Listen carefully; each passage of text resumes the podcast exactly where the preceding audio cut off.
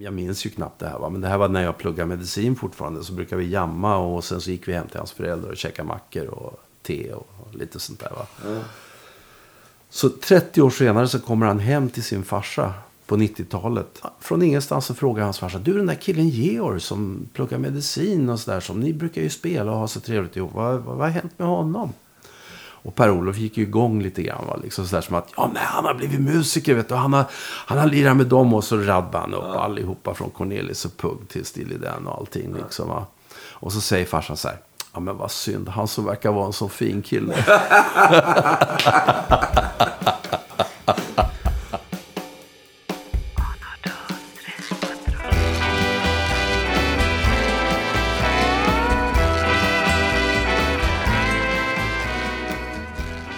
Välkommen Jojje Wadenius. ja tack. Eh, det här är Jag spelar för livet. Heter den här podcasten. Och vi bjuder in musiker och producenter och så här. Som vi tycker eh, behöver en större plats. Och som vi tycker fler ska upptäcka. Jag är den generationen som växte upp med din barnskiva. Ja okej. Så hemma hos mig så hade det var, jag hade två, tre stycken idoler när jag var liten. Det var Elvis, Jerry Williams och dig. Ja, Det, det var ni tre som gick... Bra sällskap. Ja, på skivspelaren. Ja, ja. Och även mina barn älskar den skivan. ja vad kul alltså. Jag brukar ta några snabbfrågor. Och sen kommer vi in i det här och så ska vi naturligtvis höra dina sköna stories från USA och alla inspelningar och om det är okej. Ja, ja, ja. Om jag har några. Ja, det är jag helt säker på. Vi brukar börja med fullständigt namn. Fullständigt namn är Carl Georg Viktor Wadenius. Ja. Född 4 maj 1945 på Kungsholmen. Vad är ditt yrke? Jag är väl allmänt musikarbetare kan man säga. Eh, spelar gitarr. Ibland, men inte ofta längre, spelar jag elbas. Och eh, lite piano ibland, men inte speciellt bra. Och så sjunger jag en del. Och så skriver jag en hel del musik fortfarande. Eh, och, och så har jag producerat och arrangerat rätt mycket genom åren. Men inte så mycket. Det är mest mina egna grejer som jag producerar nu alltså, och arrangerar. En fråga som alla har fått i den här podden. Vilket är ditt första musikminne? Hmm. Det är svårt att säga, men jag tror att ett av mina första musikminnen är att jag... Min morsa var pianist. Va?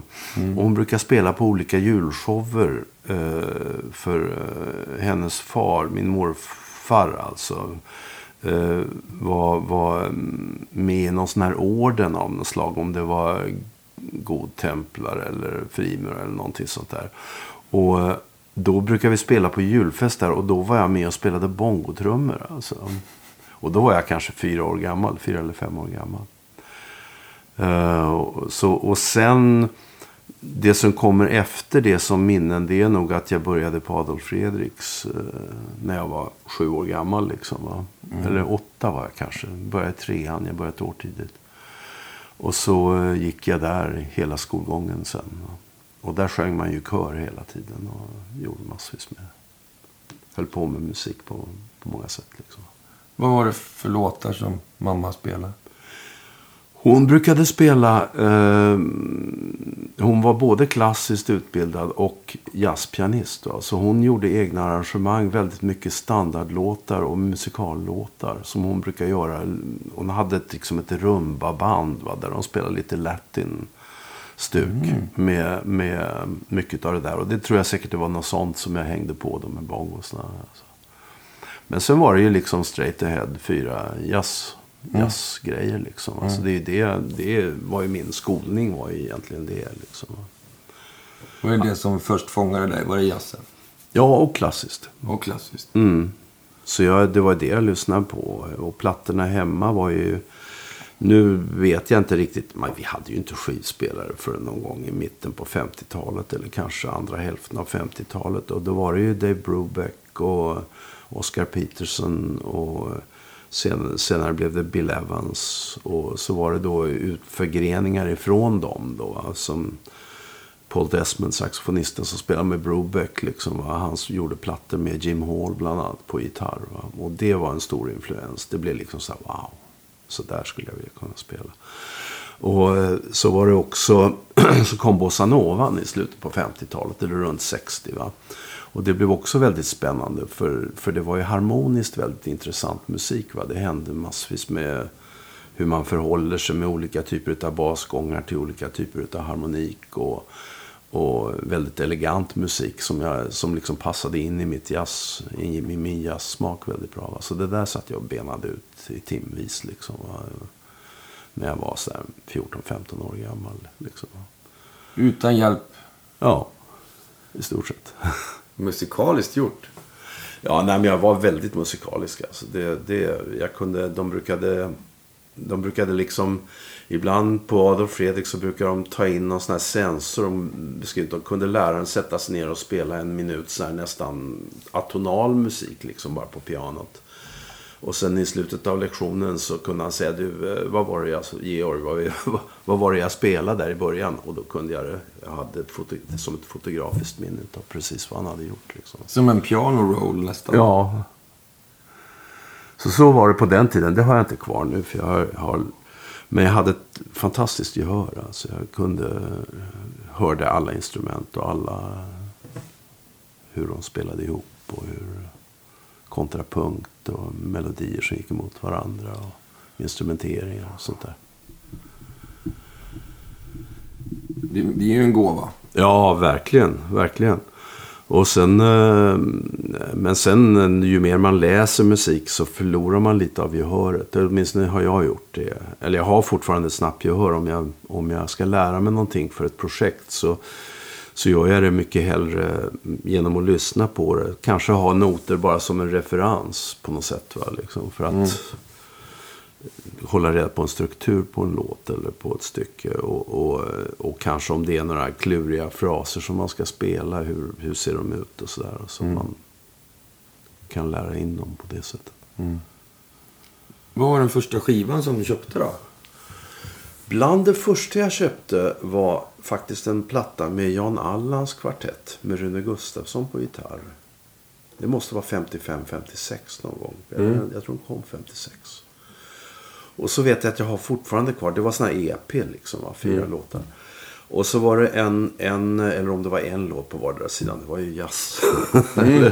ja. och, så, eh, och så har jag någon Lars Gullin-platta från den tiden också. Det lyssnade jag också en del på. Alltså. Bosse Skoglund var här, han intervjuade jag. Mm. Han, han eh, tror jag var med på några av Lasses första där. Ja, det är mycket möjligt att Bosse var med. Alltså. Portrait of My Pals pratar han om. Och ja. från Gyllene Cirkeln. Ja, jag kommer inte ihåg vad de heter. Men, men eh, det är mycket möjligt att Bosse var med. Jag kommer inte ihåg vilka det var som var på Jans platta. Alltså. Har du lirat med Bosse? Ja, någon gång har jag gjort det. Det har jag. Men, men vi har... Vi har liksom gått i parallella mm. spår hela vägen. Mm. Va? Att han, eh, han spelade ju mycket på Gyllene Cirkeln på 60-talet när jag gick och kollade in. Då. Så jag har ju sett honom spela väldigt många gånger. Eh, men, men inte, ja, kanske någon gång spelat med honom.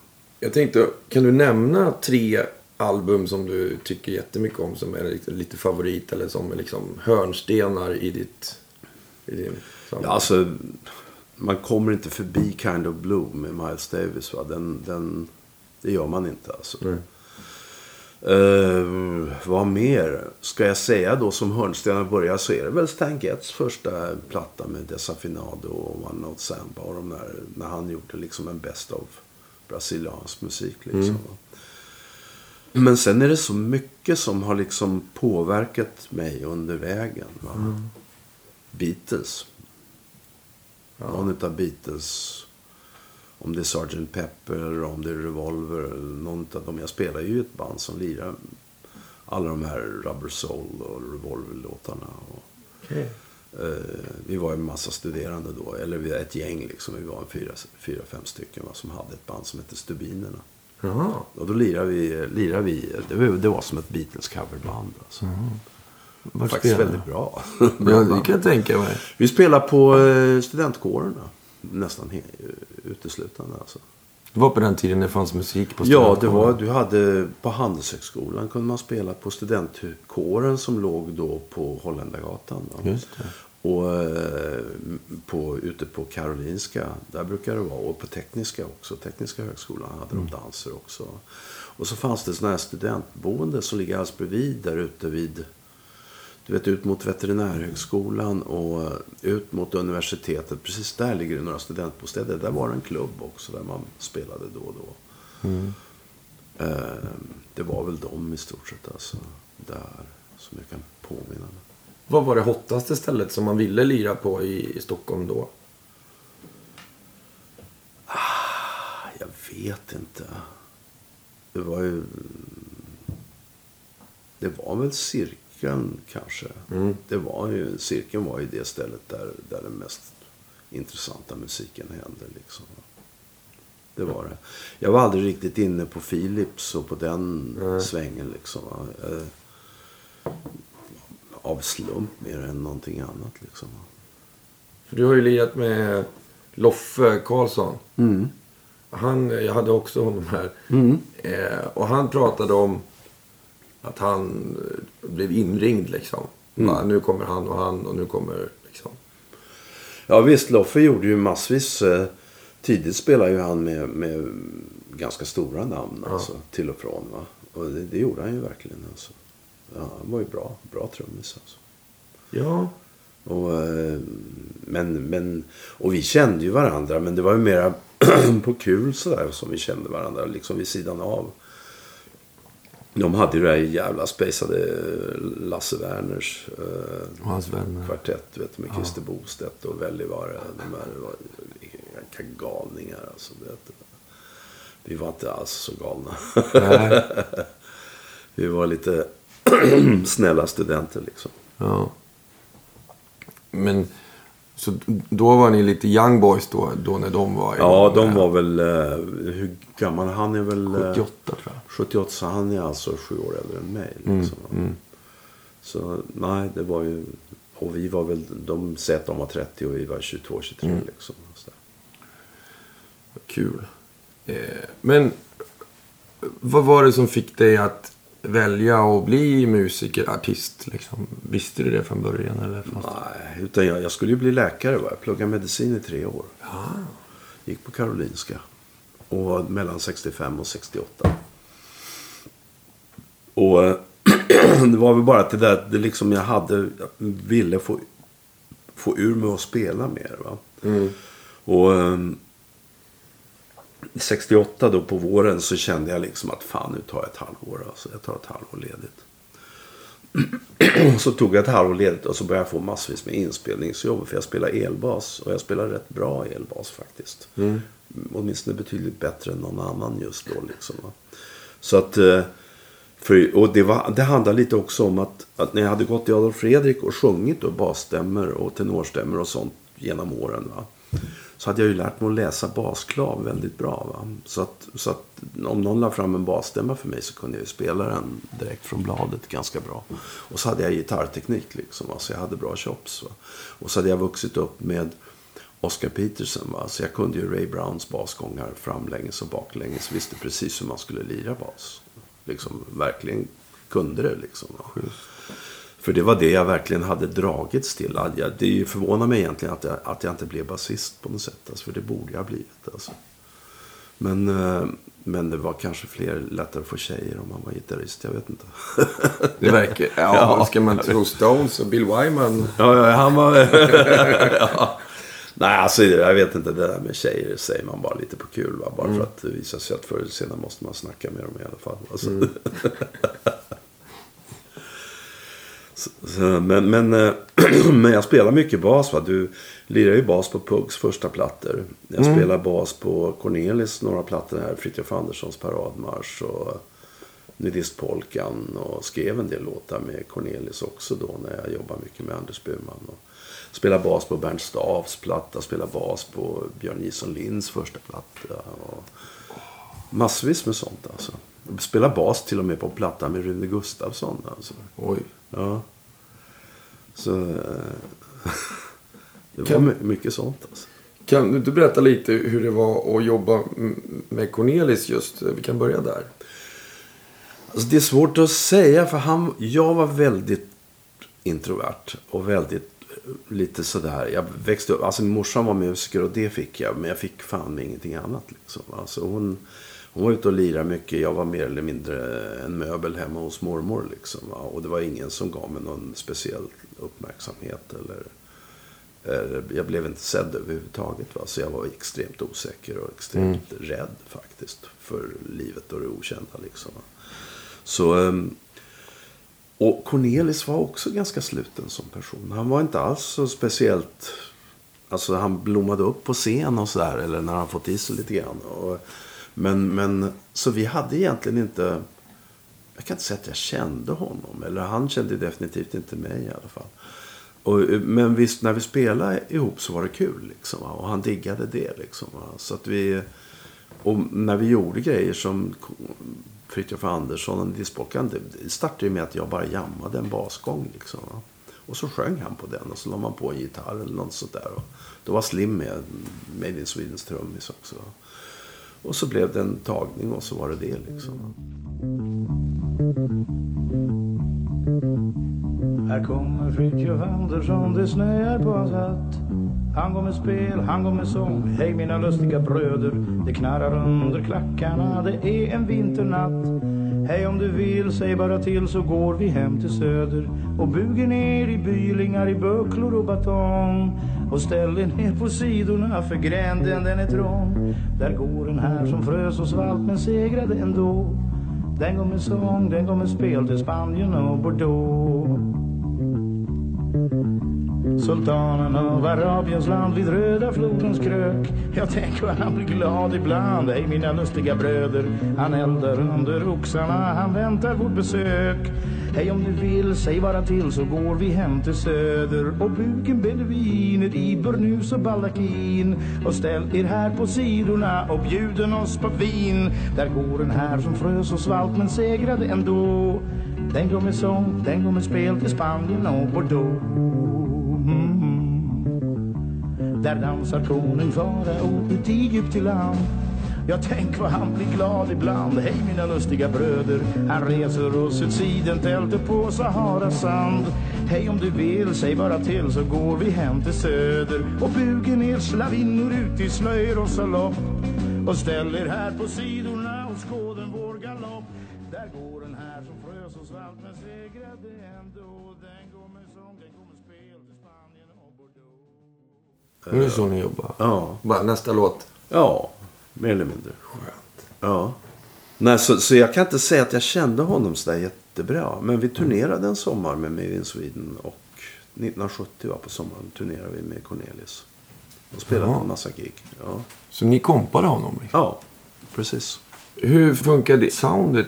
Jo, men det, det funkar rätt bra. Det finns, en, det finns någon taget så på ett gammalt bergstroll som vi gör som en gammal blueslåt. Ja, ja, ja, ja. Ja, det är det då. Det är Made in Sweden som lirar Ja, ja, ja, ja. där. Alltså. Bosse och Slim var ju, var ju rockbluesmusiker mycket mer än vad jag var. Jag var Mm. ju mycket mer jazzmusiker. Men även om vi hade blivit ganska starkt, började bli influerade ganska starkt av Hendrix och, och Cream och, och, och Led Zeppelin och såna här grupper. Va? Mm. Vi försökte ju faktiskt ett tag att sätta ihop en typ Led Zeppelin-grupp med Björn Skifs faktiskt. Men så, mm, så blev det inte. Jag vet inte varför, men det blev inte. Synd. Ja. Han är har- pipa alltså. Ja, fy fan. Han sjunger så jävla bra alltså. Och fortfarande så jävla. Ja, ja, ja. Nej, fan. Han har så mycket soul i rösten som han... Ja, ja, ja. Han är otroligt bra sångare. Alltså. Det, det hade varit kul alltså. Det hade varit Det är jättekul. inte för sent. Nej, men... Nej, faktum är att jag har eh, haft kontakt med honom ibland om att bara göra något gig och sådär. Liksom, va. Ibland när vi har lirat nu med Cleo-bandet då, med Lindvall och danske. Mm. Lars Danielsson. Va, så har jag sagt, fan kom ner bara. Kom ner och sitt in på en låt. Mm. Eh, Säg någon låt som du vill sjunga så, eh, så tar vi ett litet rep för och så gör vi det bara på kul. Liksom, va. Men han har liksom... Nej, det har inte blivit av. Han är väl på orgel också. ja, han är bra. Alltså. Han är bra organist. Ja. Tänk vad mäktigt om vi skulle köra liksom Whole Lotta Love eller något sånt där. Ja, eller hur? Fast jag tror det hade blivit mera kanske några gamla såna här soul-låtar eller någonting sånt där. Det var ju det jag tänkte Mm. vi skulle göra. Liksom.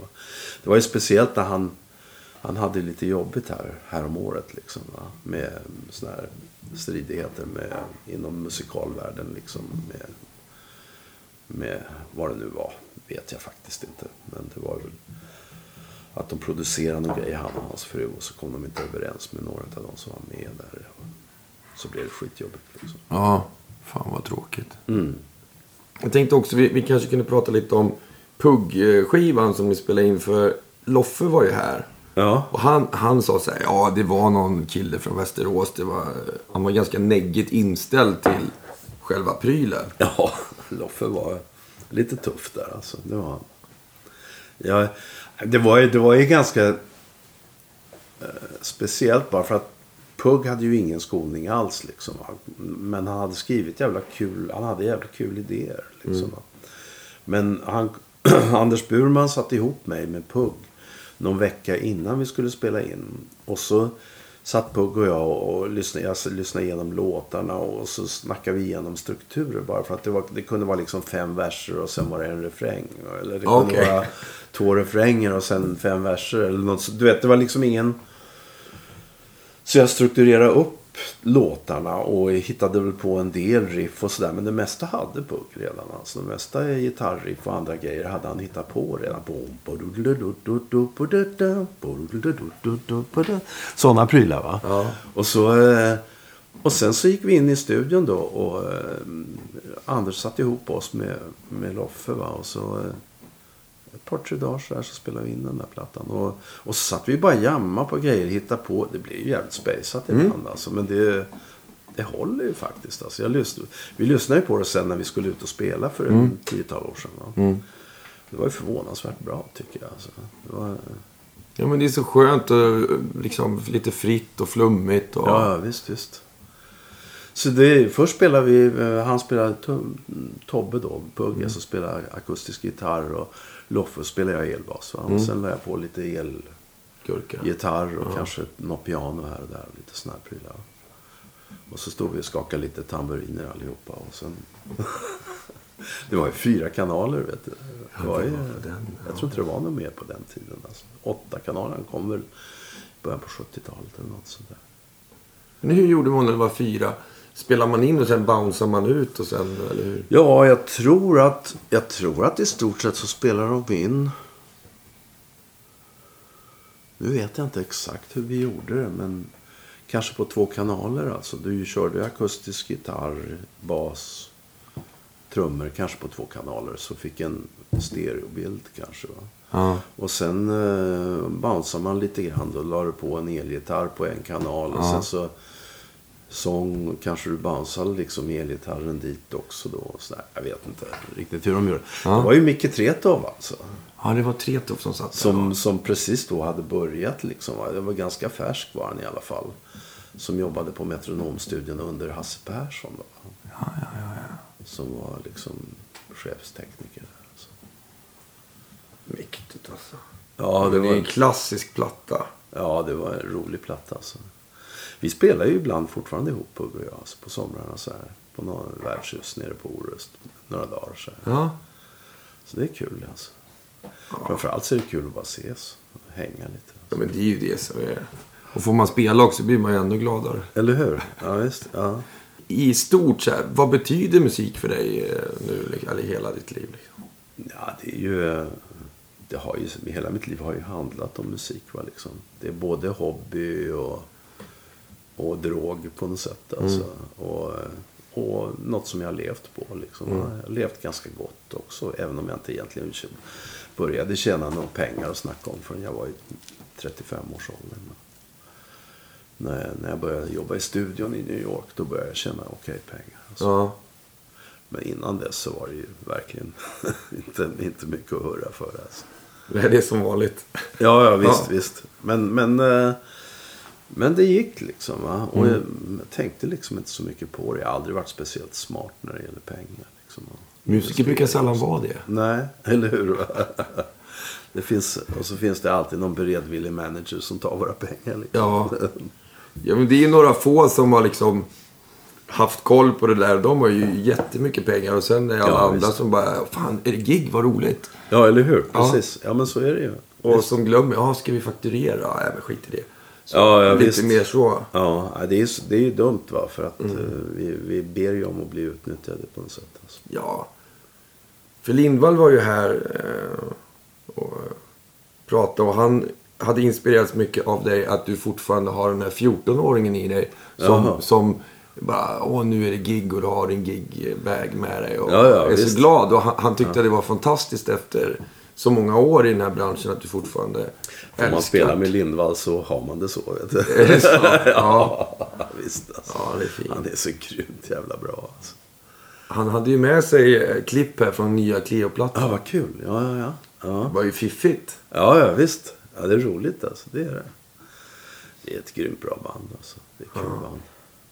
Lars också va? är en fantastisk basist alltså. Så det, är- nej, det, är ju, det är ju det att man får spela. Jag får ju spela med väldigt bra musiker ofta liksom. Och då, då blir man ju glad. Ja. Eller hur?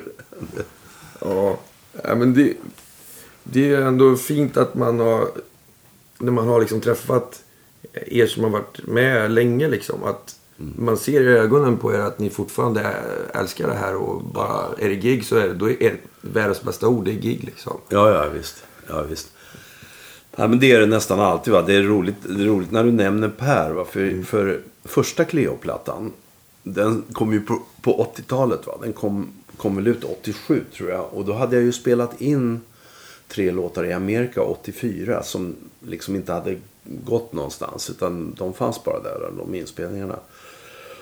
Och så åkte jag hem till Sverige för att spela ett gig, på, eller ett par gig på Mosebacke faktiskt. 84 så gjorde jag först en sväng med Teddy Walter bland annat då, på bas. Och, och då minns jag, då hade jag med mig en del låtar. Det är några låtar där som in, inte är en lek. Alltså de är, de, alltså de är mycket klurigare än det vi gör nu. Alltså. Eh, och, och då var väl Per 23-24 år gammal och då hade jag lirat med Weckel. Va? Jag hade lirat med Gadd, jag hade lirat med Chris Parker och lite annat sånt folk eh, runt om New York. Va? Steve Ferroni och andra som är liksom bäst i världen. Liksom. Så kom jag med de här låtarna och första genomspelningen så ingen av de trummisarna hade gjort det bättre än vad Per gjorde. det, Alltså. Ingen av dem hade spelat det kanske ens lika bra. Alltså. Han satte det så man bara trillade av stolen. Alltså, du vet. Grymt alltså. Ja. Så grymt jävla bra. Så det var liksom så här, oj. Oops, det hade jag inte väntat mig alltså. För när jag flyttade till Amerika så var det ju ganska stor nivåskillnad på, på hur bra musiker var liksom här och där. Liksom. Det fanns några stycken här som var bra men där fanns det en uppsjö med folk som var mycket bättre än vad jag bara kunde föreställa mig. Liksom. Och nu då när du, när du kommer hem hit, tycker Ja, att... nu, nu, nu är det inte så stor skillnad. Nu har ju alla liksom möjligheter att lyssna in allting som händer och man kan lära sig i plugg och det finns en del väldigt bra lärare. Alltså. Några av de bästa musikerna idag jobbar ju som lärare. Liksom. De, Ja. det, jag känner många som jobbar som, som lärare. Jag kan nämna flera namn liksom, nere i Blekinge och Skåne. Och även här i Stockholm och uppe i Piteå och sådana grejer. va, Som är liksom, de hade platsat i vilket band som helst. Alltså, de är, spelar ju mycket bättre än vad jag gjorde i den åldern i alla fall. Helt klart. Alltså. Mm. Men de, det finns ju väldigt få gig. Ja, det, det är ju så. Du, du gör ju... Musiker är ju bra på, man tar sig fram. Liksom, som vatten som rinner där det finns en öppning. Liksom, Ja. Nej, men vi har pratat ofta om det att eh, nu finns det ju det är väldigt få turnéer där det är så här 30 plus jobb och du liksom spelar ihop ett band och efter halva turnén så bara fan nu är det fritt här, nu kan vi jamma lite. Ja, ja, visst, visst. Det är så här ett gig här, ett gig där och så. Ja, du Man kommer får aldrig upp till speed riktigt. Nej. Det har jag märkt också. Vi spelar, nu ska vi spela bara fyra gig i mars. Och sen kanske vi får ihop en sväng på tiotal gig i, i höst. Mm. Och då vet jag efter tre, fyra gig, då börjar det, då börjar det kännas som Mm. att jag är där på något sätt. Va? Men innan det så är det, du, det, det går inte liksom. Du, du kan inte, du har inte den... Det är ju därför, de, det är därför det aldrig kommer att finnas folk som till exempel Herbie Hancock, Chick Corea, eh, hela det gänget va, som spelade med Miles och som lirade med Cannonball Adderley och alla de där. De lirade ju sex kvällar, sju kvällar i veckan, fem timmar varje kväll. Samma musik mer eller mindre som utvecklades. Och så var de begåvade till att börja med. Tacka fan för att de blev bra. Ja. Alltså, eller hur? Ja. Alltså, det är liksom... Det går inte att jämföra liksom. Det finns nästan ingen som har den möjligheten idag. Liksom. Jag vet inte i Sverige. Det, jag har ingen koll på dansbandssvängen. Men jag, Ja, ja. de lirar väl...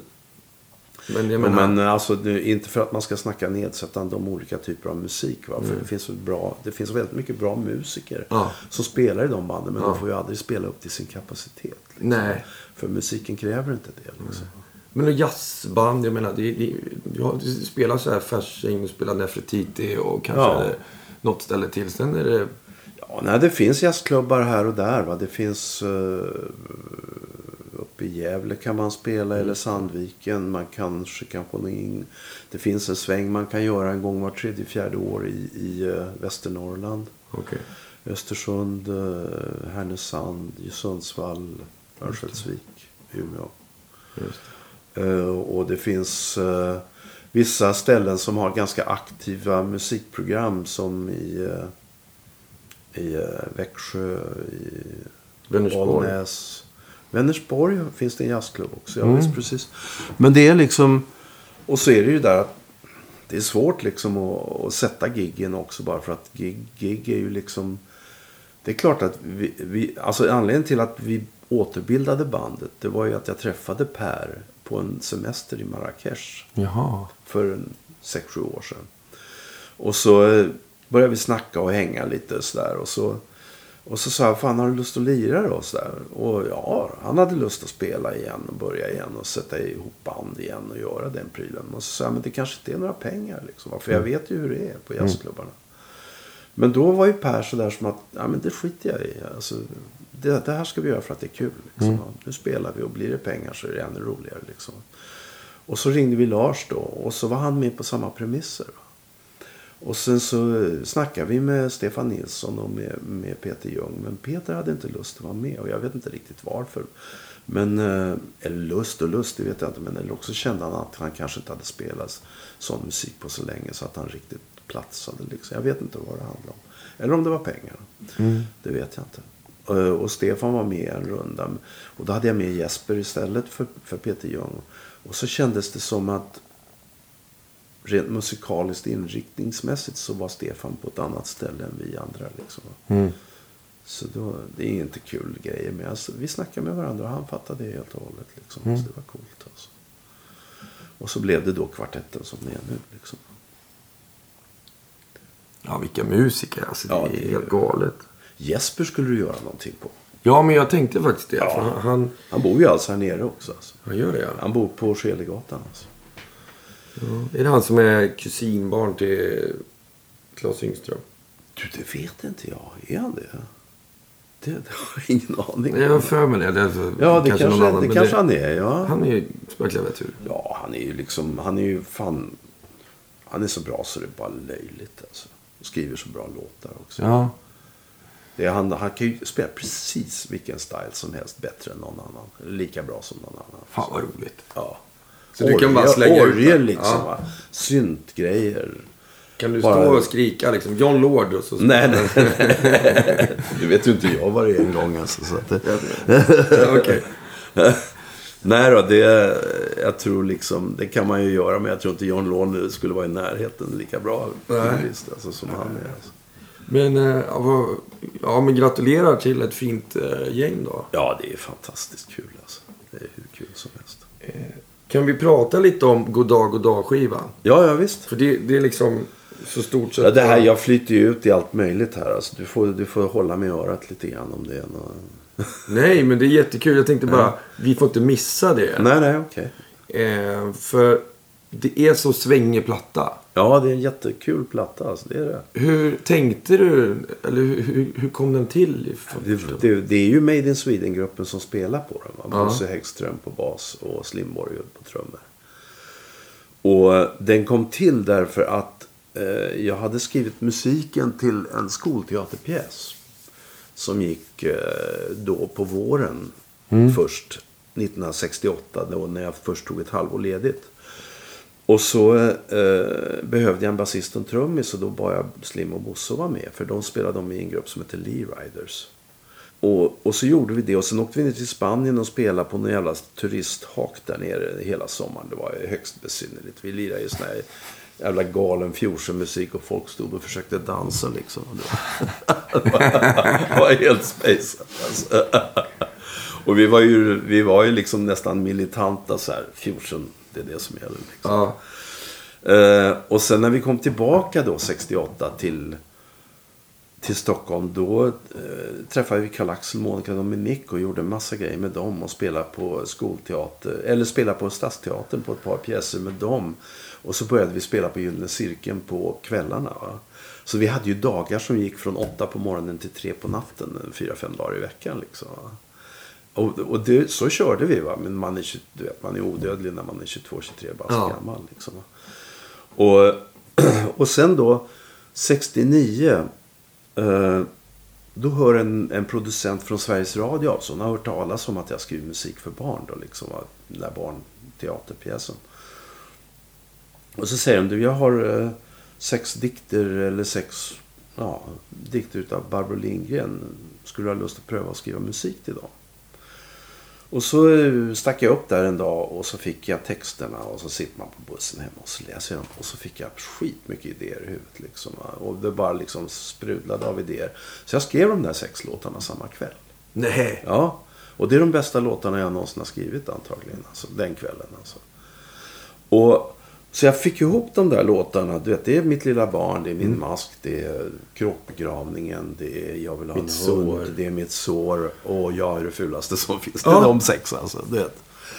Och så, så fick jag ihop dem där. För nästa vecka då skulle vi träffas och skulle jag spela upp det här på radion och kanske spela in det eller göra ett program med det. Och så där var tanken. Och så tänkte jag, fan det här... Det var ändå så här, jag spelade upp det där och Barbro var ju helt så här, wow vad bra det här är. Och så liksom, vad kul och det tyckte alla andra också. Så, jag, så då, eh, då snackade jag med Anders Burman och sa, kan vi göra en platta tror du med det här? Ja visst, du gör en sex låtar till så har vi material. Liksom. Det tog Ja. tre månader att göra sex låtar till. Alltså. Det gick inte på en kväll. Det var liksom en helt annan grej då. Och så, eh, men så var det, gick vi in i studion då med Slim och Bosse liksom. Va? Och så lirade vi bara. Vi bara lirade som vi brukade lira fast det var på de här låtarna. Liksom. Och det, en dag eller två så hade vi gjort plattan liksom. Men det är helt sjukt. Vi är så många som älskar den här skivan. Ja, det är som så älskar. kul, alltså. Ja, och, men alltså, och det är så svängigt och, och det är liksom inte Lille Katt-kompet utan det är verkligen Ja, ja, funk, eh, Ja, jazz fusion. Ja, visst. Ja, det är fantastiskt att den fortfarande lever kvar liksom. Det, är, det är jättekul alltså. Ja, mina barn också. Vi var ju och kollade på dig eh, i Vänersborg en gång. Ja, ja. Jag hade ju med min, min son då. Han, han bara hoppas att han spelar mitt sår liksom. ja. Så satt vi där och väntade. Men körde jag barngrejer där? Det gjorde jag Nej, inte. han, han va? frågade dig innan så här, kan du spela? Du bara, ja vi får se. Ja, ja, ja. Men eh, Vi han gjorde inte det kanske. ledsna efter ett tag så vi, vi fick gå. Ja. Men Hur eh, gammal var han då? då? jag var bara fyra kanske. Ja, det här är fem, sex år sedan Ja, säkert. Ja, Mm. Det var väl med Jonas Holgersson och Mattias tror jag. Mm. Ni spelade i festsalen där. Ja, just det. Vi var ett trio bara liksom. Och vi körde instrumental. Just det. Visst. Ja, Ja, det är min pappa som roddade där. ja, ja okej. ja. Så, eh, men eh, fortsätt berätta. Och då spelar ni in det här bara. Spelade vi in den och så kom den ut och så... Eh, så var det väl inte så där jättestort hallå kring den. Men jag fick en Grammis för den alltså. Och, eh, och det var väl, jag tror, jag tror den blev upplockad av väldigt många dagis alltså, som hade den. Sålde säkert, eh, över några års tid sålde den säkert en 10-15 tusen plattor liksom va. Vinyl då, som det ju var. Och sen så... Eh, eh, sen mot slutet av 70-talet så kom ju, när CD-erna började komma och sådär va, så de tryckte ju inte upp den där va. Så den fanns ju inte att få tag på hela 80-talet i stort sett. Va? Så kom jag tillbaka 90 då, början, mitten på 90-talet, 93 eller någonting. Och då träff, träffade jag dem på Warner och då var jag lite sur på dem. För att ja, för det första hade jag ju en svinaktigt dålig deal. Liksom, 2,5 procent eller någonting sånt där. Du vet. Det var så det man fick då. Man visste ju ingenting. Liksom. Nej.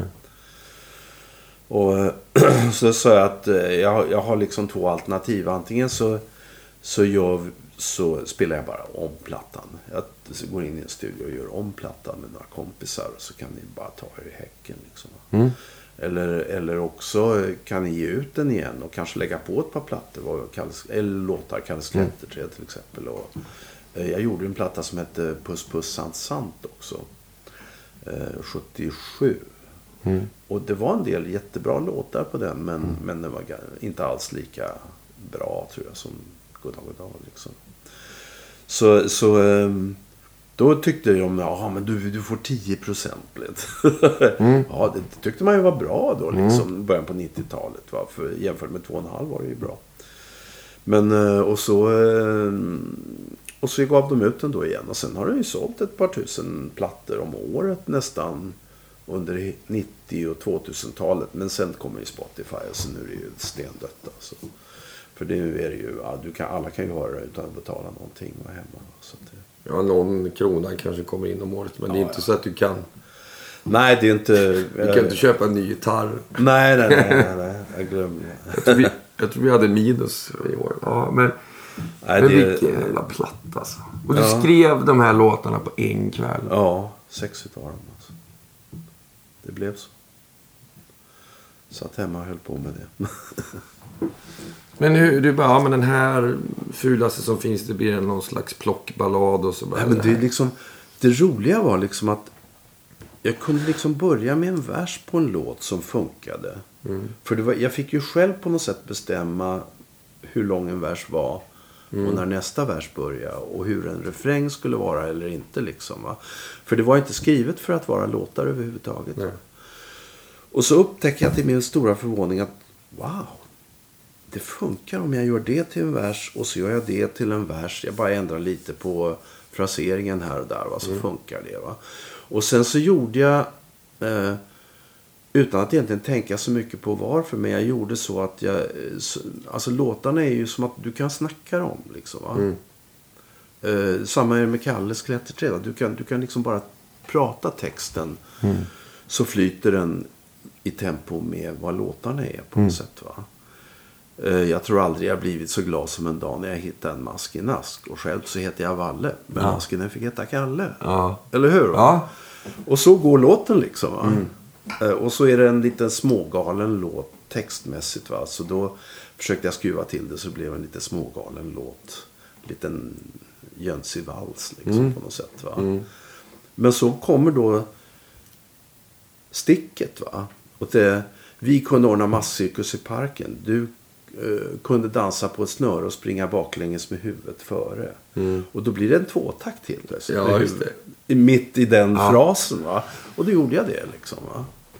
Och eh, det, lite så blev de till de här låtarna. Va? Kråkbegravningen har ett stick som går i sju åttondelar bland annat. Va? Men det, det tänker du inte på. Alltså. Nej.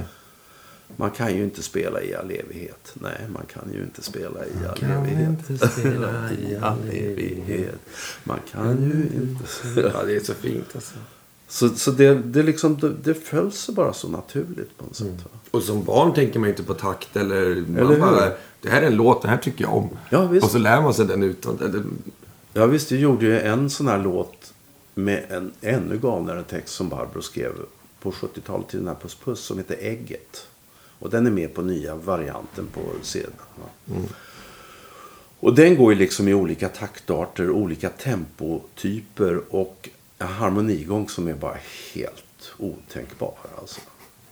Du vet, det, det, den är så jävla kul. Alltså. Så det, och det är ju, då var jag ju mina värsta fjorsenskadade år. Liksom. Ja. Så att, och, och hitta på en sån harmonigång, det var ju höjden av lycka. Alltså. vad roligt. ja. Ja, tack så hemskt mycket. Vi- Vilken platta. Alltså det är, det är så här, en av mina hörnstenar i liksom min Vad samling. kul, alltså. Ja, verkligen. ja, tack. Eh, ja, tack ska du ha. Vilken jävla platta alltså. Ja, det, det är roligt. Det är väldigt roligt alltså. Att den... Det är ju, det är ju en lyckträff alltså. Här mitt sår, den är så svängig. Har du lust att prova? Jag brukar inte spela hela den här...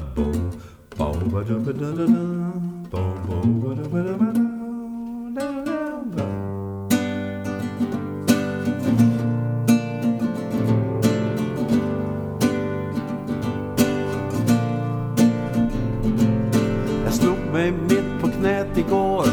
Aj, aj, aj, aj. Det gjorde ont, det blev ett sår.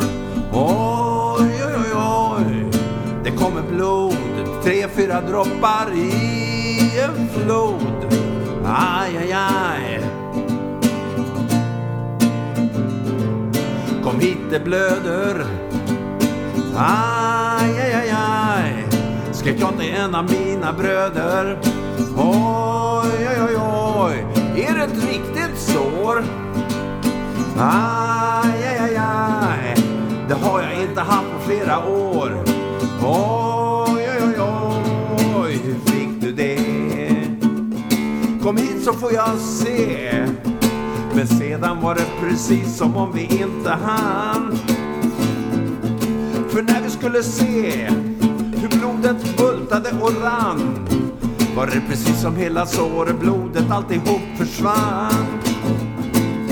Och fast vi letade en evighet Aj, aj, aj, aj Så var det omöjligt att hitta det Oh vi vänta tills jag får ett annat sår. Aj, aj, aj, aj, aj, aj, aj.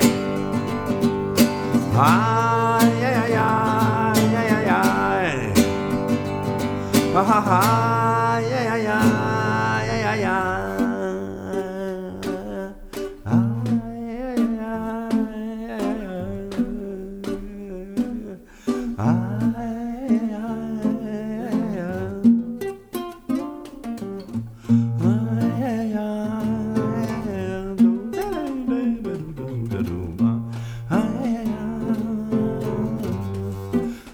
in en sån här lite reggae-groove på den där. Ja, härligt. Ja, just det.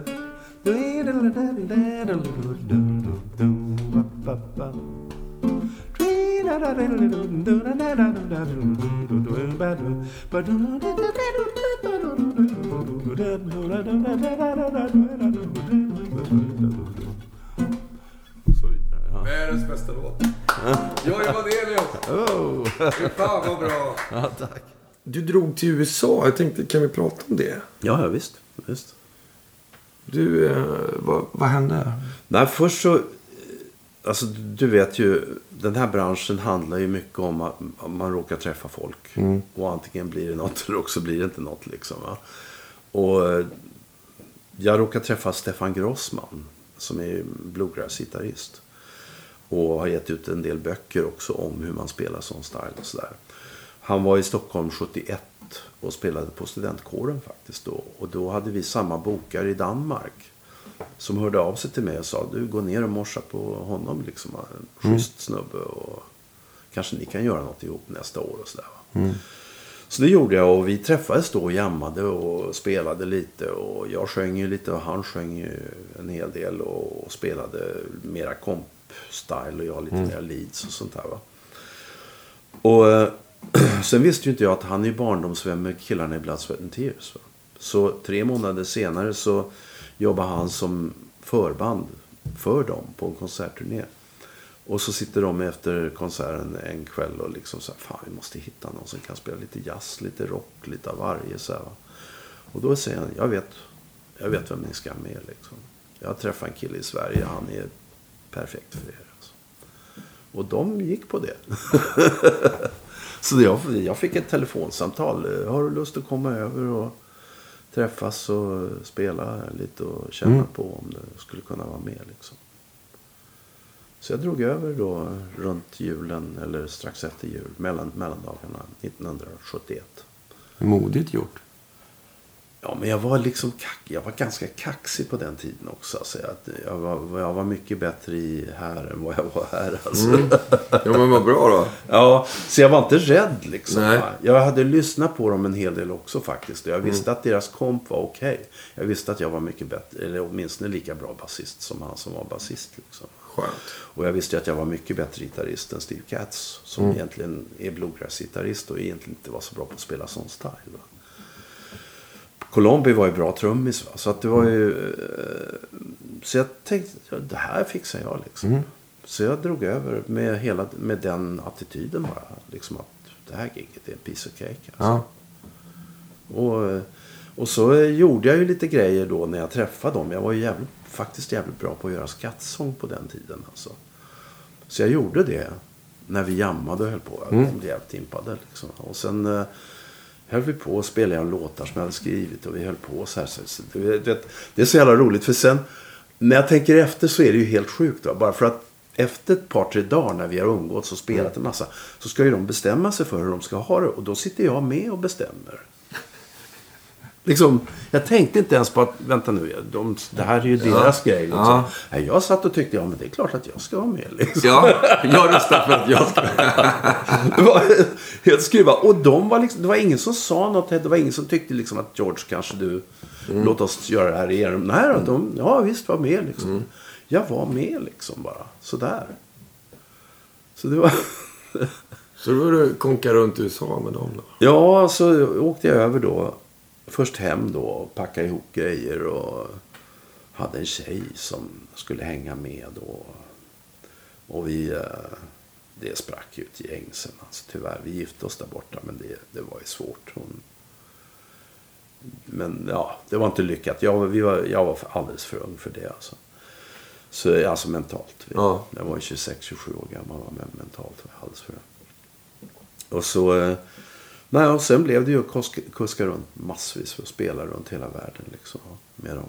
Tre gånger Europaturnéer och kom ju första gången att spela på Skandinavium. Och var spelade vi i Stockholm då? Jo, vi spelade på Gröna Lund. Så ja. Och det var ju massvis med folk. Det var ju helsidor i tidningarna. Vet du. Det var ju ingen annan svensk musiker som hade gjort, hamnat i en sån motsvarande Nej. situation före det. Liksom. Nej. Men jag, man fattade inte det liksom, på något sätt. Va? Det var Men vad hade du... Kunde du skriva på din rider? Jag vill ha vad det här du Det fixar. har jag, aldrig, jag har aldrig tänkt på sånt. Alltså. Du har inte gjort? Nej, jag har aldrig hållit på med sånt där. Liksom. Nej. Inga blåa M&M's eller? Nej, jag tror inte det var många som gjorde det då överhuvudtaget. Nej. Ja, det var inte vanligt alltså. Men när ni var ute med det här och åkte ni, då åkte ni som eget band liksom? Ja. Gjorde ni festivaler med andra? Ja, ibland. Men det var inte alls samma typ av grejer då. Det var inte så mycket festivaler då. Alltså.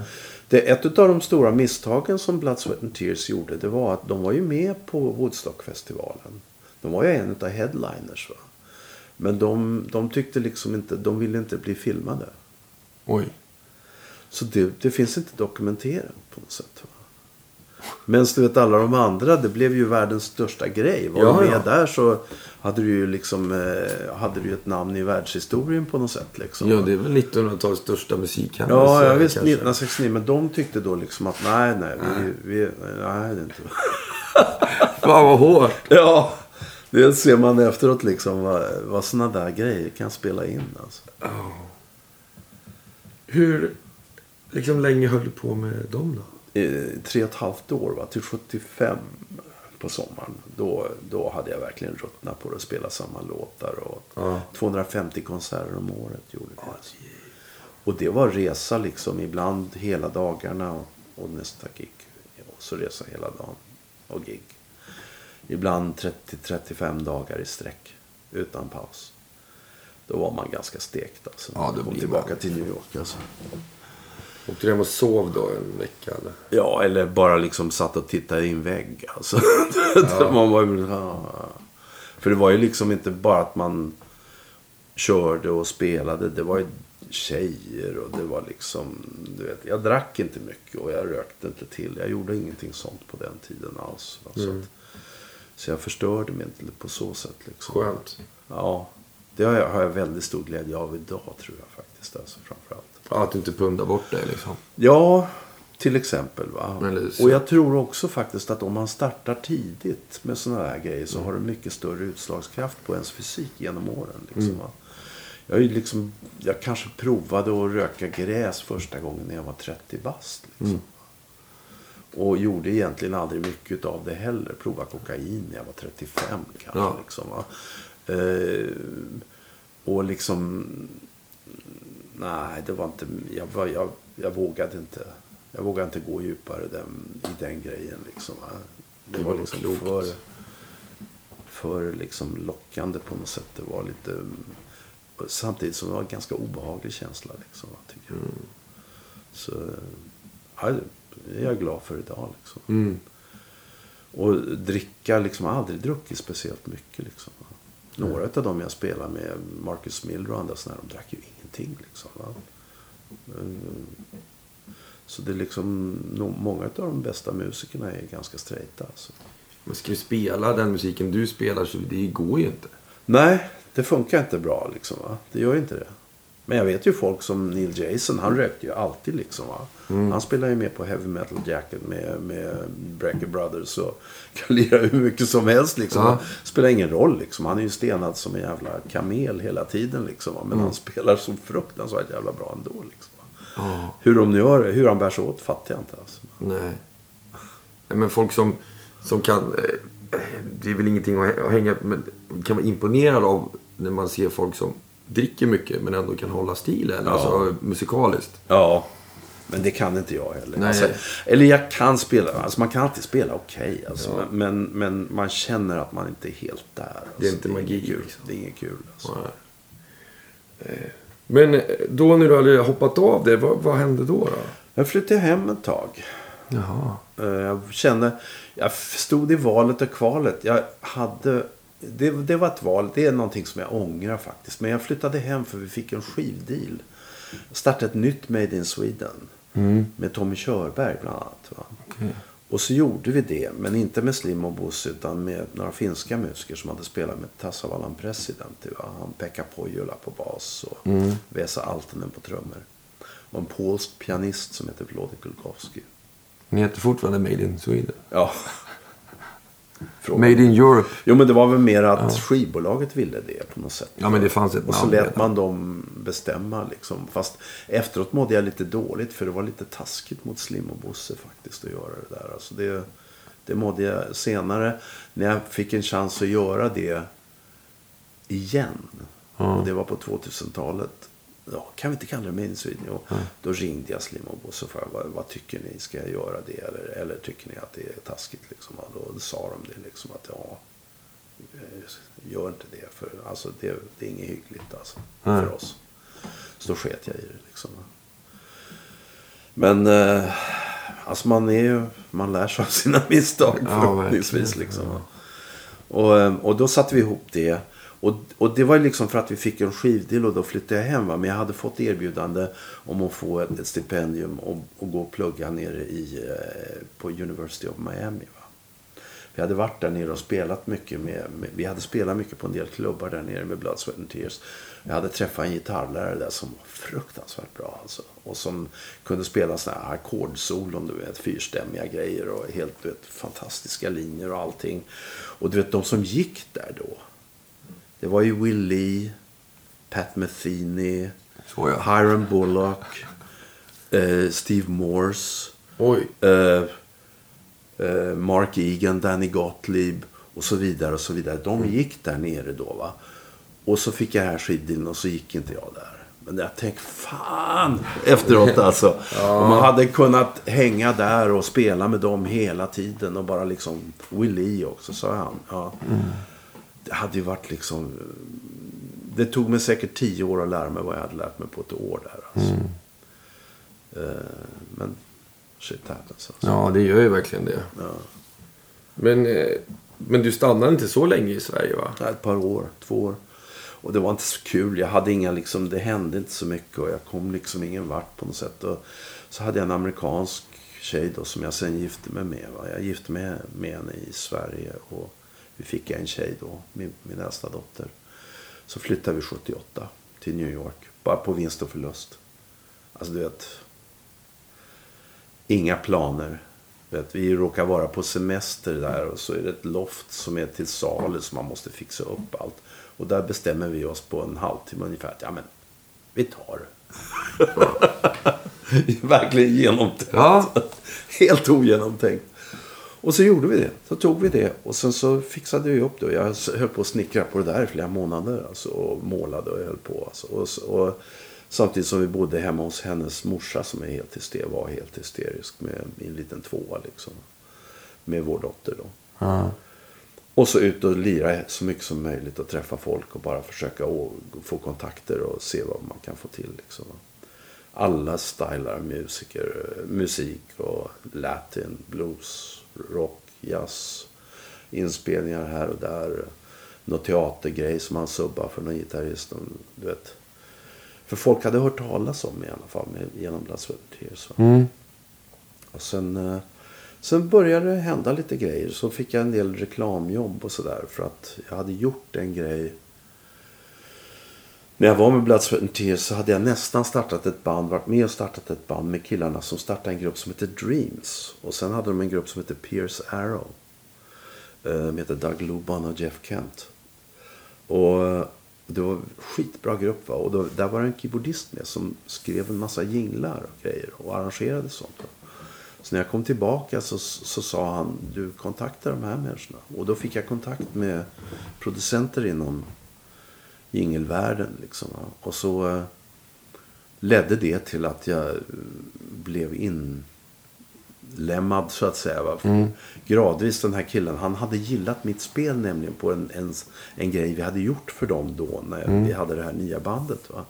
Då hade han kommit ihåg mig. Va? Och han var ganska högt höns inom, inom den här branschen. Så han, han ringde runt och rekommenderade mig till folk. Liksom, och, va? och sen fick jag vara med på några countryinspelningar. Och det var grabbarna som gjorde den sista färden. Åh, Eric Weisberg och Charlie Brown. Va? Det, det är banjo och gitarr. Va? De var med va? och de var ju världens snällaste och hyggligaste killar. För jag, jag hade ju ingen aning om vad, vad gör jag liksom. Ja. Men det var bara, nej, sitta och harva. Kör lite harmisar bara så gör vi resten. Liksom. Och så fick jag något jobb här, en i veckan, ett par i veckan. Så där. Fick vara med på den stilen. Va? Och sen började det hända andra grejer, gradvis bygga upp. Liksom. Och sen fick... Eh, sen var ju två av killarna från Blood, Sweat and Tears med i Saturday Night Live-bandet. Va? Lou Marini och, och Tom Malone. Så när, när de behövde en gitarrist, de ville byta gitarrist, va, så rekommenderade de mig. Så då fick jag träffa Paul Schaefer och lite annat folk som var där. Och så spelade jag med dem och så fick jag det giget. Liksom. Så hade jag det i sex år. Det måste ju varit bra. Ja, det var, det var jävligt kul. Och då blev man ju liksom nästan legitimerad gitarrist på något sätt. Liksom. Du vet, det, var, det var ju liksom Marcus Miller och jag, David Sanborn, du vet, Scha- Schaefer. Eh, hela den blåssektionen var ju, det är ju Blues Brothers på originalbluessektion och Ronnie Cuber på bariton. Det, det är liksom... Det blir inte bättre. Det blir inte bättre. ja, sen efter två år så var Brecker med, Michael Brecker med i två år också. Liksom. Du vet. Så det var ju liksom det bandet alltså. Kan du nämna några som li- som lirar med som kom och gick där? Jag spelade ju med Sanborn då. När han gjorde några grejer där. Och så spelade jag spelade med James Brown en grej där. Och spelade med, vad heter hon då? Jo, Olivia Newton-John spelade jag med. Och jag spelade med, eh, vad heter hon då? Eh, men det var inte så ofta va. Ofta så hade de med sina egna band liksom. Va? Men, men när de behövde en gitarrist till. Eh, Marianne Faithfull spelade jag med också. Då, då var jag med på ett hörn. Liksom. Eh, och sen eh, var, var ju en... Och sen spelade jag med Roberta Flack. Och sen så blev jag med Roberta Flack efter ett år. Och gjorde en hel sommarturné. Och då var Luther Vandross bakgrundssångare. Va? Så då, när han skulle göra sin demo, första demon där 1980, 81 någonting. Va? Då var det ju Buddy Williams på trummor, Marcus Miller och jag. Och hans gamle kompis Nat Adderley Jr. på keyboards. Va? Det var ju vi som gjorde hans, hans eh, Never Too Much-platta. Liksom. Herregud alltså. Ja. Och det var ju häftigt. Det var häftigt. Om du lyssnar på den låten så är det första gången vi spelar arvet. Alltså det är, först spelar vi igenom utan att ha struktur på vad vi gör. Och sen så snackar vi liksom. "Ja, men Vad gör du? Vad gör jag? Alltså, hur ska vi göra det här? Och så bestämde vi oss lite för vad vi skulle göra. Och Luther kom över och hittade på så här. Du, jag har en idé, rytmisk idé på hur vi ska spela den här. Papp, papp, papp, papp eller vad det är. Ja. Och så provade jag lite olika grejer. Och så här, nej, nej, men det här. ja. Ja, den, den, den, det. Gör det liksom. Va? Och så kan du hitta på något annat sen på resten av låten. Så det var så öppet Ja, alltså. och så sätter vi oss ner och det är tagningen alltså. Och sen så la de på lite stråkar och lite annat. Liksom. Men det var ju som, som, som jag sa, liksom, va, att en tagning till, sen hade man börjat undra. Liksom, va.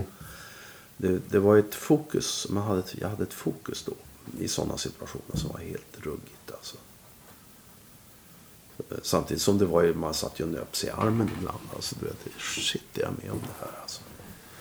Ja, men vad fan. Det är bara att gratulera. ja. ja, det var jävligt kul alltså. Det.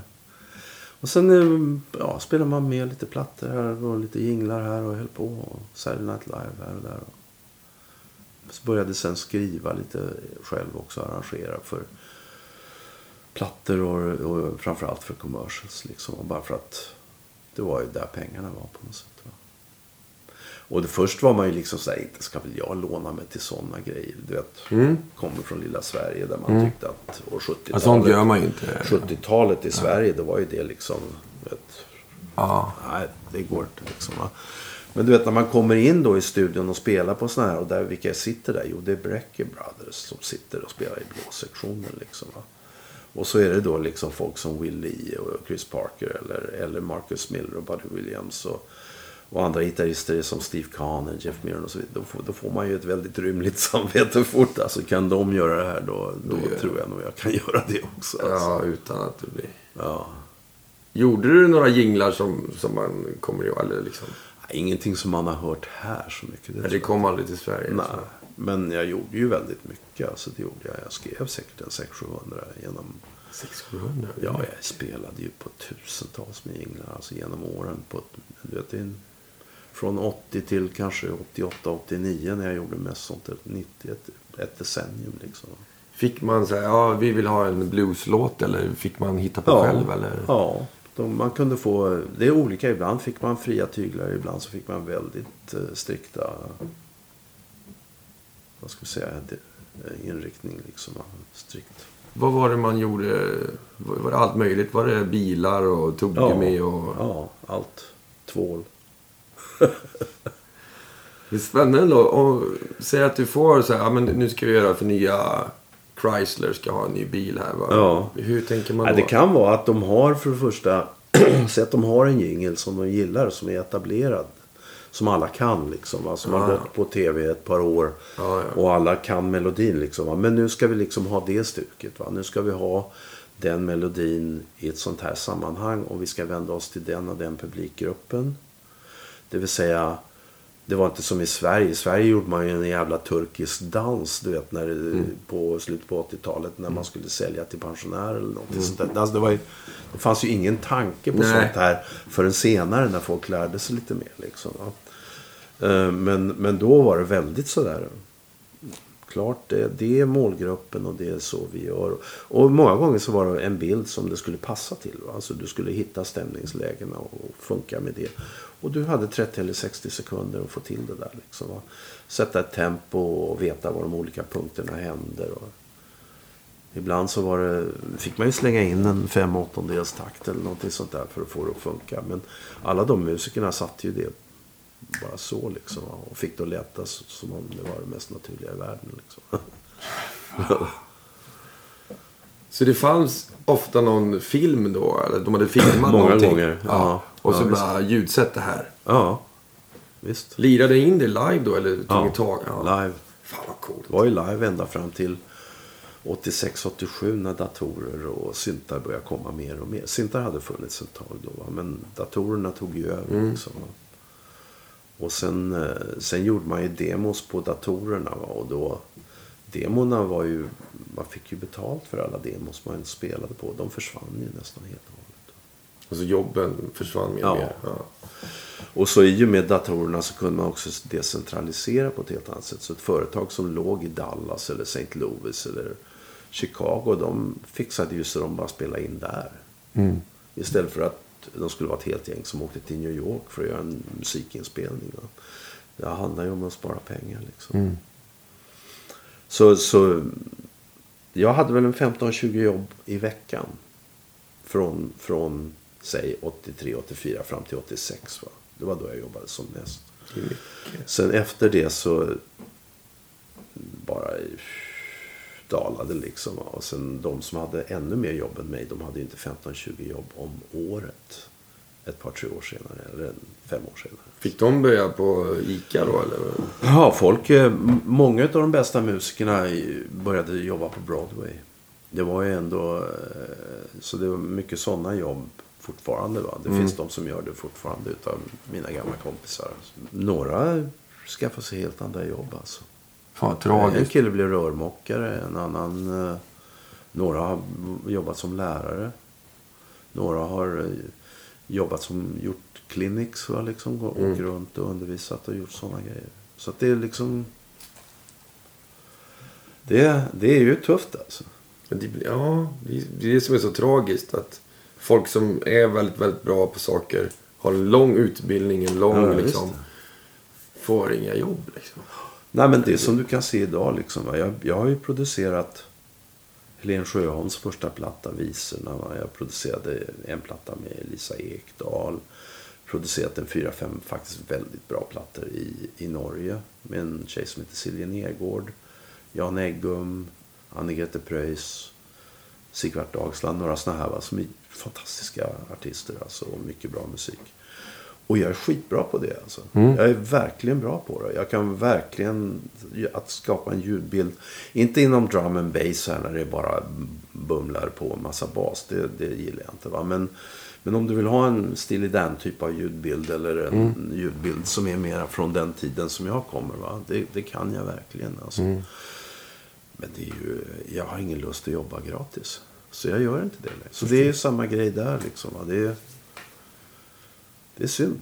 Men det finns ju ungt folk som, som gör det och som gör det bra. Liksom. Och fast det är mycket kunskap som inte, inte finns där än. Du måste ju ändå, om du har turnerat 250 gig om året i 10 år. Så Mm. skaffar du ändå en, en hantverks... Ja, ja visst. Du kan Visst. hantverket. Ja. Eh, och det är svårt att skaffa sig den kunskapen nu. Det är ju det. Det är ju det alltså. Men eh, jag vet ju som några av dem, de gör ju bra plattor nu alltså. Eh, nu känner inte jag till alla idag liksom. Nej. Sådär. Men, eh, och det är ju, det är någon, någonstans är det ju en funktion av att det kommer ju fram så mycket bra folk. På alla instrument och på produktion och allting nu. Va? Beroende på att det, det finns ju liksom tillgång till sätt att lära sig. Och, Men det finns ju inga jobb riktigt. Eller det finns ju mycket, mycket mer musiker och band än vad det finns spelställen och gig. Och, ja, det gör det.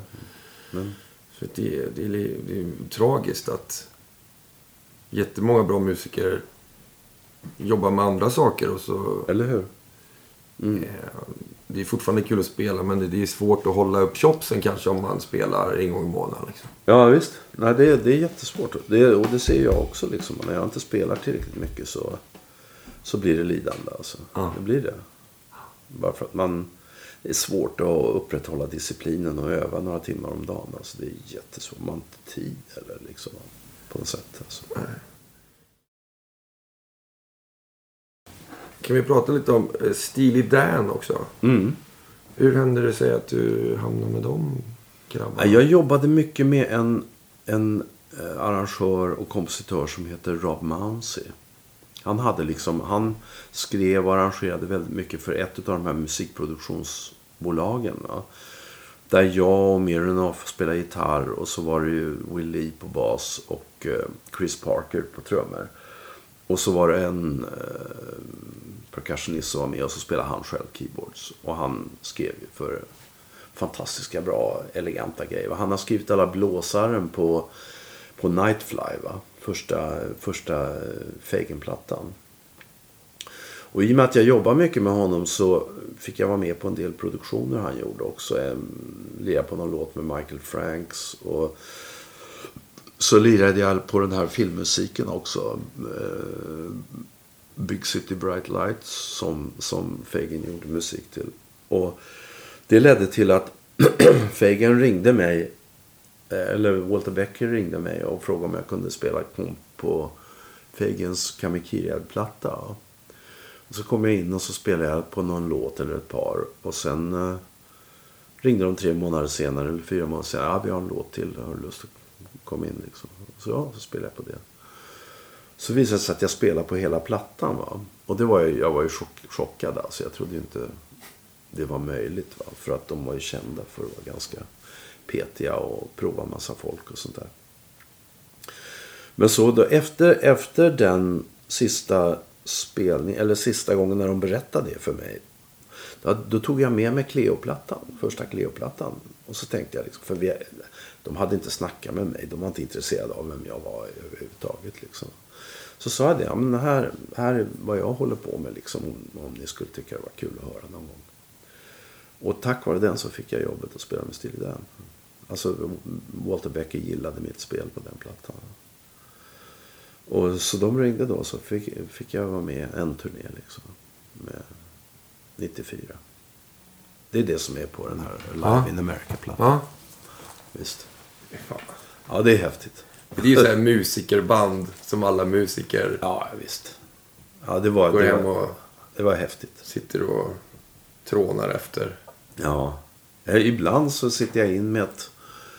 Vad hette de då? Really Dan har jag lirat med någon gång nere Ja. i Göteborg. Alltså, Ja. Med Thomas Olsson och Peter Wik och de här killarna som håller på med ett sånt band. Så det är kul alltså. Och sen eh, Simon Garfunkel eh, körde du med ett tag. Ja, det var också tack vare Rob Mounsey. Alltså. Han, han rekommenderade mig för det. Så då, då, var, jag, då var jag mer studiomusiker liksom, kan man säga. Va? Steely Dan, då fick jag ju väldigt mycket utrymme. Alltså, jag var ju huvudsolist liksom, i bandet. Och eh, hade ju en fem, sex ganska långa solon i en del. En del var ju satta liksom. va. Du har dina 16 takter liksom. Men, men en del var ju ganska långa faktiskt. Och det, och det hade jag med dem. Men jag hade ju ingen sån med, Paul, Simon- med Simon och Garfunkel. Det var ju mer att man spelade stämmorna och man var studiomusiker på scen på något sätt. Mm. Det var ju fantastiskt alltså. Det är bra låtar. Det är inte så dumt. Och, och, och det också, där, det, det, det kan man nog säga att deras första plattor var ju också en sån platta som hade kunnat tas med i det som verkligen formade mitt spel. Liksom. Du kan, om du lyssnar på barnplattan Goddag Goddag så är det en del gitarrspel där som faktiskt eh, påminner lite om Paul Simon. Även om det inte är lika bra spelat som han är fruktansvärt bra gitarrist alltså. På sån här fingerpicking alltså. Men du kan höra vissa, vissa typer av gångar som jag Ja. gör som musikaliskt är lånade liksom, va, från, från Paul Simon. Liksom, va. Och, och det var ju väldigt viktigt hur, när jag började spela akustisk gitarr. Eller när jag spelade akustisk gitarr. Just den. Jag diggade dem alltså. Ja, det är svårt att inte göra faktiskt. Eller hur?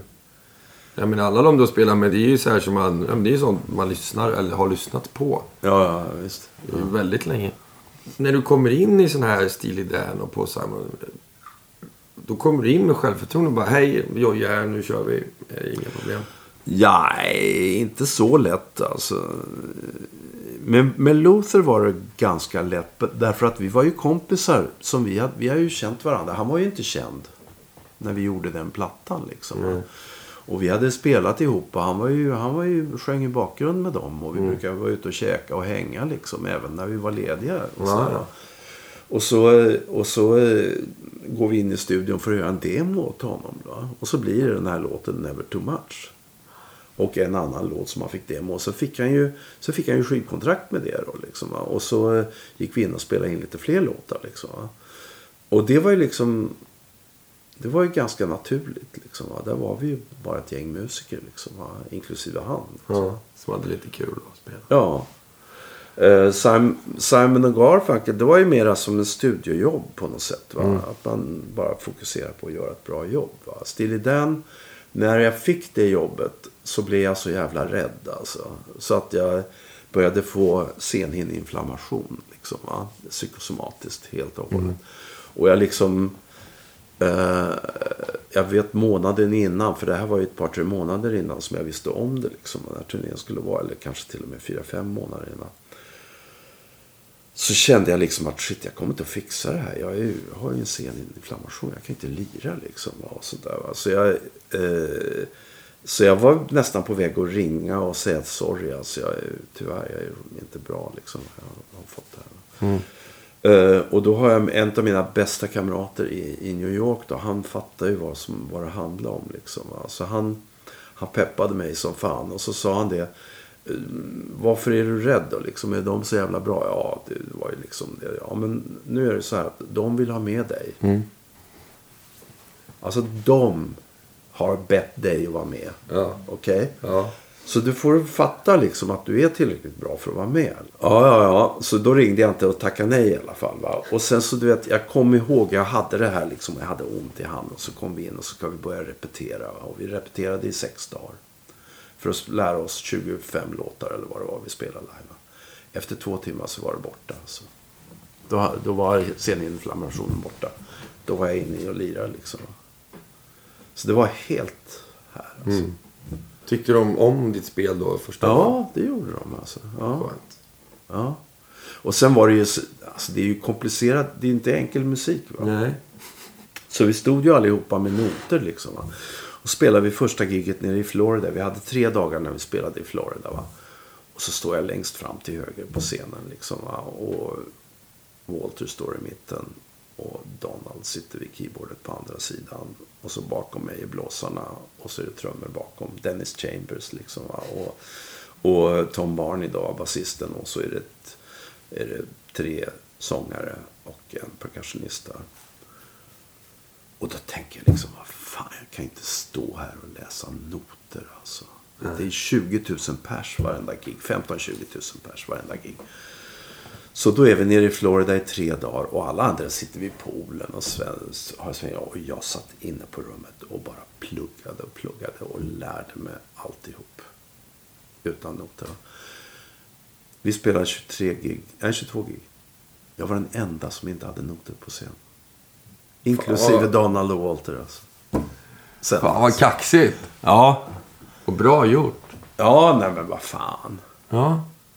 Och du spelar, du spelar bättre också när du bara musiken får flyta i sig. Liksom. va? Inte när du liksom är bunden vid noterna på något sätt. Men kan du titta på publiken? Ja, visst. Ja.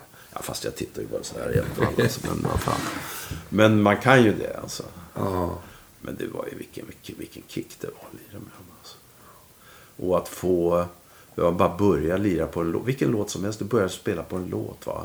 Alla, utom Walter hade gjort en soloplatta då. Va? Och det var ju nästan pinsamt när han skulle köra någon låt utav sina. Liksom. Alla gick på muggen. Liksom. Det var som att tända, tända ljuset i ett kök fullt av kackerlackor. Vet du vad? Ja. Alla bara så här... to the exit liksom. det tyckte jag synd om honom alltså. Det var inte kul alltså. Och sen när hitsen kom tillbaka då... Ja, ja, ja. Så fort vi körde deras låtar så, du vet.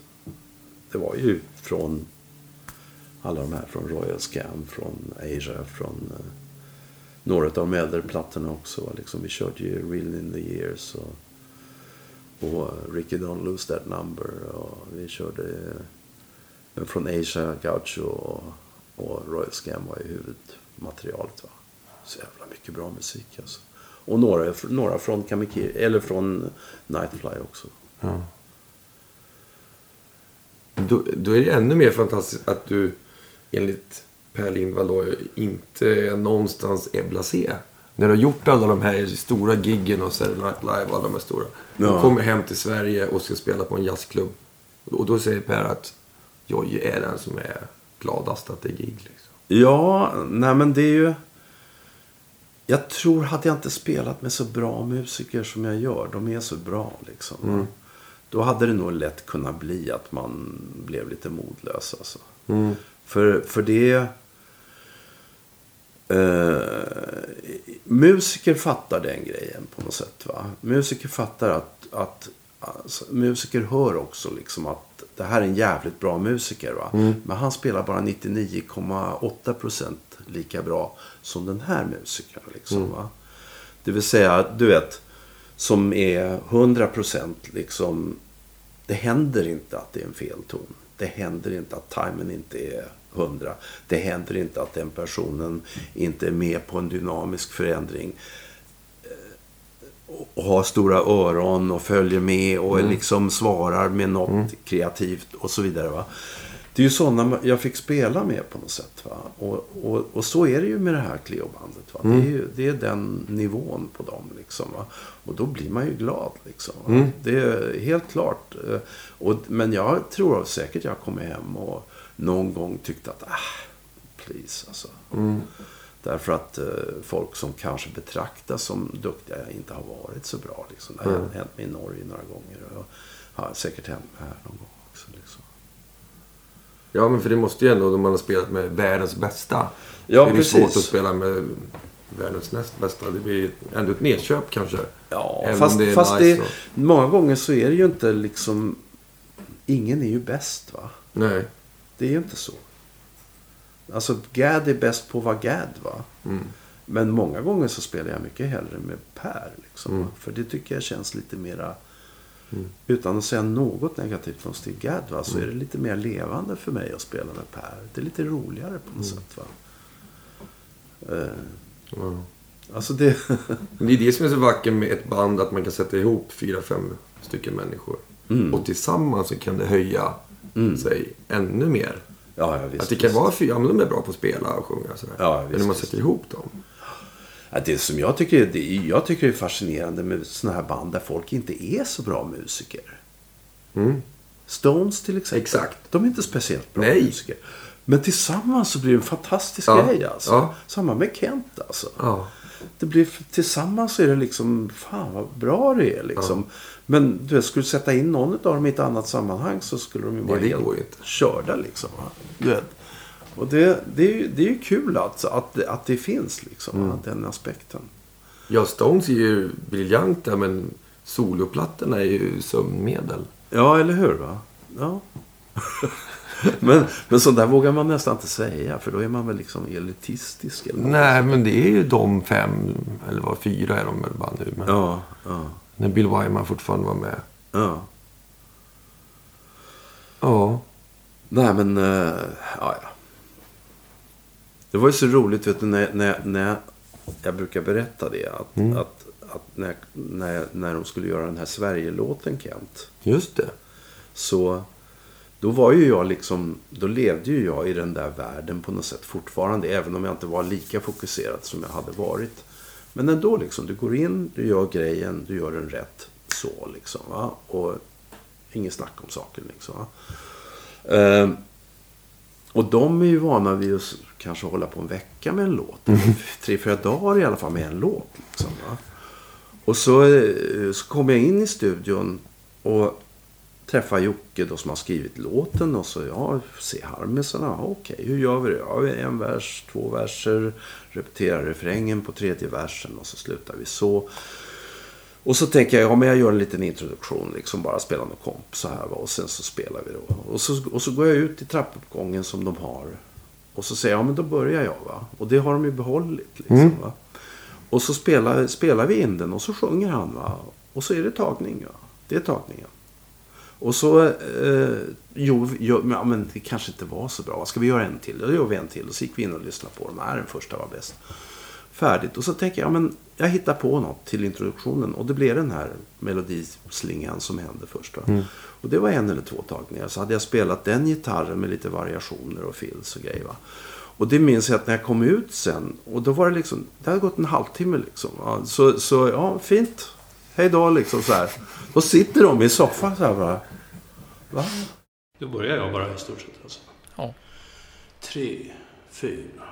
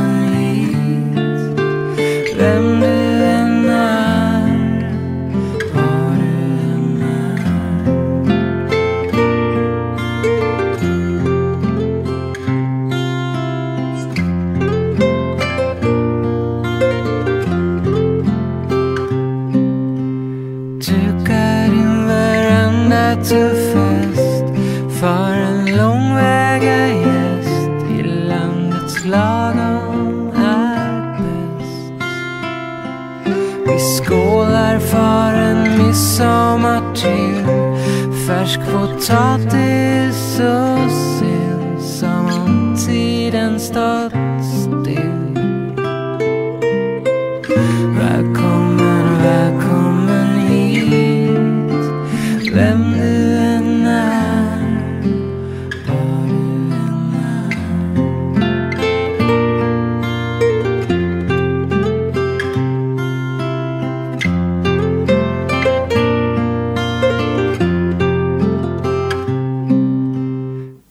två världar som möts. Är den här som sitter och Ja. skavar på en låt i två veckor eller gå in och...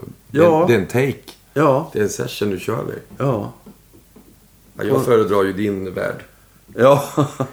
Nej men alltså det är, ju, det är ju olika sätt att skapa musik liksom. va. Och på, tidigare på 60-70-talet då gjorde ju alla det på det sättet som de sen har gjort det. Liksom. va. Man satt ju, folk var ju i studion i månadsvis liksom för att göra en platta.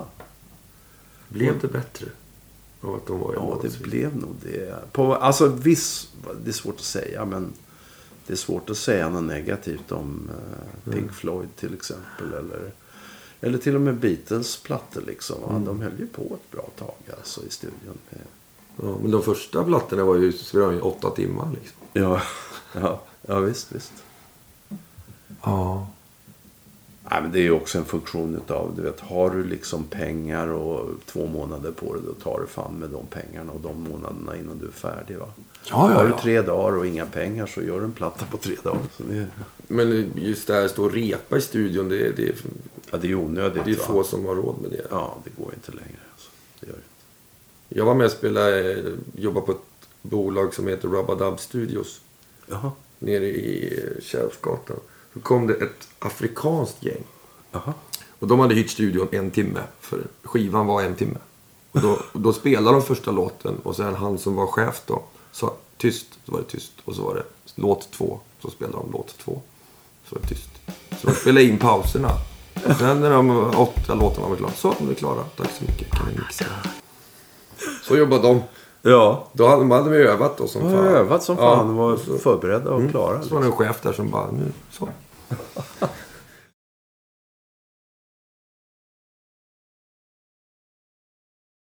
nu när ni eh, gjorde Clio-plattan. Mm. Hur spelar ni in den? Du menar de sista nu alltså? Ja, den här sista som kom Vi har ut gjort det hos, hos Jesper. Jesper har ju en studio tillsammans med Andreas Unge. Eh, uppe på, i Stureparken. Va? Där har de den. Och Eh, då har vi... Först och främst så har jag träffats med Lars en eller två gånger. Och vi har diskuterat att skriva en låt ihop och gjort lite grann. Och så har jag träffats med Jesper lite grann. Och så har vi skrivit ett par låtar ihop. Och så hade jag en låt själv. Och sen så skrev Jesper ett par låtar själv. Och sen har vi gått ner i, i studion och spelat in eh, kanske tre låtar på en dag. Eller någonting sånt. Så vi gjorde en två dagar körde vi in en fem, sex låtar och sen Sen så höll vi ju nästan inte på att få ut plattan före turnén som vi gjorde i höstas därför att ingen hade tid att träffas liksom. vet, Lars har massvis med jobb och Per och Jesper har varit ute med Lisa Nilsson och med jag vet inte vilka mer, om det var Lale förra sommaren eller vad det var. Eller det var för sommaren innan. Men de, de, är, de är ju väldigt flitigt anlitade. Va? Så, så har det varit så. Och sen så har vi, eh, och det, det är Ronny Latti som har, har mixat va? och som spelade in. Så han har varit med där också. Så det är så, så vi har gjort. Vi, vi bedriver liksom Jag bokar jobben, Per sköter ekonomin och fixar en bil eh, som vi hyr och när vi ska ut. Och Lars sköter lite marknadsföring och Jesper har en studio som vi använder. Liksom. Så på så sätt det enda kostnaden vi har när vi gör den här plattan det är för Ronny i stort sett. Va? Mm. Och lite resor då till och från. För jag kommer från Oslo och, och Lars kommer från Köpenhamn. Men det är så vi har gjort det. Va? Och väldigt mm, många låtar har varit mer eller mindre ihopjammade. Vi har haft skelett liksom, va, som vi har jammat ihop i studion. Men det är tagningar, det är inte så här först lägger Per trummor och... nej, allt är live. Ja, alltså, vi lirar Ja, samtidigt. Det gör det- Ja. För det lät väldigt lirat och fint alltså. ja, nej men det är det. det är, Så är det. Och så fixar man kanske någon ton eller något sånt där om man, Mm. man har sumpat något. Men eh, nu bor du i Norge. Ja. Hur kommer det sig att du hamnade där? Min, min kvinna, min fru, Ja, är kärleken. norska. Ja, Ja. Det är min, hon är norska. Så jag träffade ju henne i, i början på 90-talet. Okej. Och då var jag fortfarande gift och barn och ett stort jävla hus ute i New Jersey. Liksom. Så att, Ja, ja. Men det var inget bra liksom. Så, att, eh, så då, eh, då eh, kom jag över mer och mer successivt. Va? Och sen splittade vi upp då jag och min fru i 93. Och sen... sen det var en lång crossfade kan man säga. Liksom. Från när jag först bara kom ett par gånger om året till, till Skandinavien tills jag bara åkte till Amerika ett par gånger om året. Runt 99-2000. Mm. Det var väl i stort sett när, när mina döttrar, min, när min yngsta dotter eh, började gå på college va, i- uppe i Boston. Det var, det var 98 tror jag. Mm. Då insåg jag ju liksom att jag kommer inte att träffa dem mycket mer, mina döttrar, om jag bodde i New York eller om jag bodde i, i Norge. Oslo. Så, så då, då flyttade jag mer och mer. Liksom. Lirar dina kids? Nej. Två tjejer som, eh, den ena är lärare, den andra är som distriktssköterska ungefär. Hon är sjuksköterska som har ut, vidareutbildat sig. Alltså. Och så har de två barn var. Mm. Så jag åker, jag åker nu i januari, jag åker varje januari och hälsar på mina barnbarn Mm. och barn. Det är kul. Touring Granddad kommer. Ja, ja det är jättekul alltså. Det är det verkligen. Alltså. Men gillar de eh, Goddag Goddag-plattan? Alltså, min... min eh, jo, men det gör de väl. Men jag tror inte de har samma... Min äldsta dotter förstår svenska väldigt bra. Min yngsta dotter, mm, därför att den äldsta gjorde det, ville inte lära sig svenska tror jag. Så, och den äldsta var utbytesstudent i Sverige. Alltså hon, hon fick det där med sig. Hon var nere i Helsingborg. Va? Skitkul. Jag kom hem efter ett halvår vet, och snackade min dotter skånska. Alltså. det är liksom, what? men, eh, men det var ju kul alltså. Så, så eh, nej men det, så är det. Ja. Och eh, trivs väldigt gott i Norge, alltså det gör jag. Även om jag jobbar mest i Sverige. Ja. Mm. ja. Vad hade du tänkt att du skulle hitta på 2017 då? På? Jag vet inte, för det här året har det nästan varit sjukt mycket. Alltså. Jag, jag har aldrig jobbat så mycket i hela mitt liv tror jag som jag har jobbat det här året. Eller det känns så nu i alla fall. Och det handlar dels om att vi köpte en lägenhet i Nice. Vi hade en tidigare, men vi köpte en ny och så totalrenoverade vi den. Så jag var där nere en massa också. Och det var lite jobbigt till och från. Ehm, men så gjorde jag ju en, jag spelade som solist med Norrbottens storband i februari och det blev en platta med specialskriven musik som var ganska ruggigt svår ibland att spela. Alltså. Ehm, men väldigt kul alltså. Skitbra band alltså. Och sen så sjöng jag in barnvisorna och nyare barnvisor med Göteborgs symfoniorkester i augusti. Och så spelade vi in Cleo-plattan. Ja. Och så spelade jag in en platta i Norge med en mycket bra saxofonist som heter Bendik Hofseth som spelar med Steps Ahead efter Brecker. Alltså det är den nivån på honom liksom.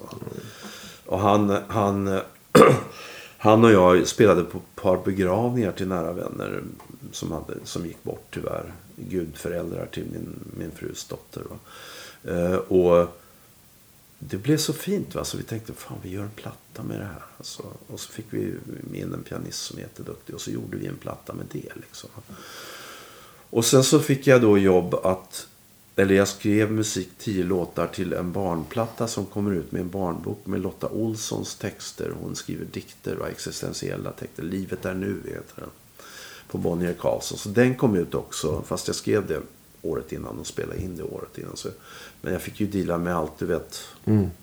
Trycka upp 5000 plattor som skulle vara i böckerna till de här. Som, ja, allt.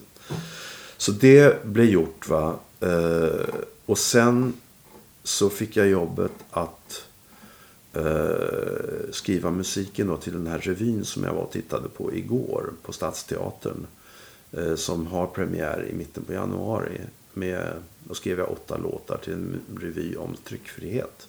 Det är faktiskt jättebra. Det blir jättebra. Det. Med, också med Lotta Olssons eh, manus och texter. Va? Vad är det för stuk på musiken?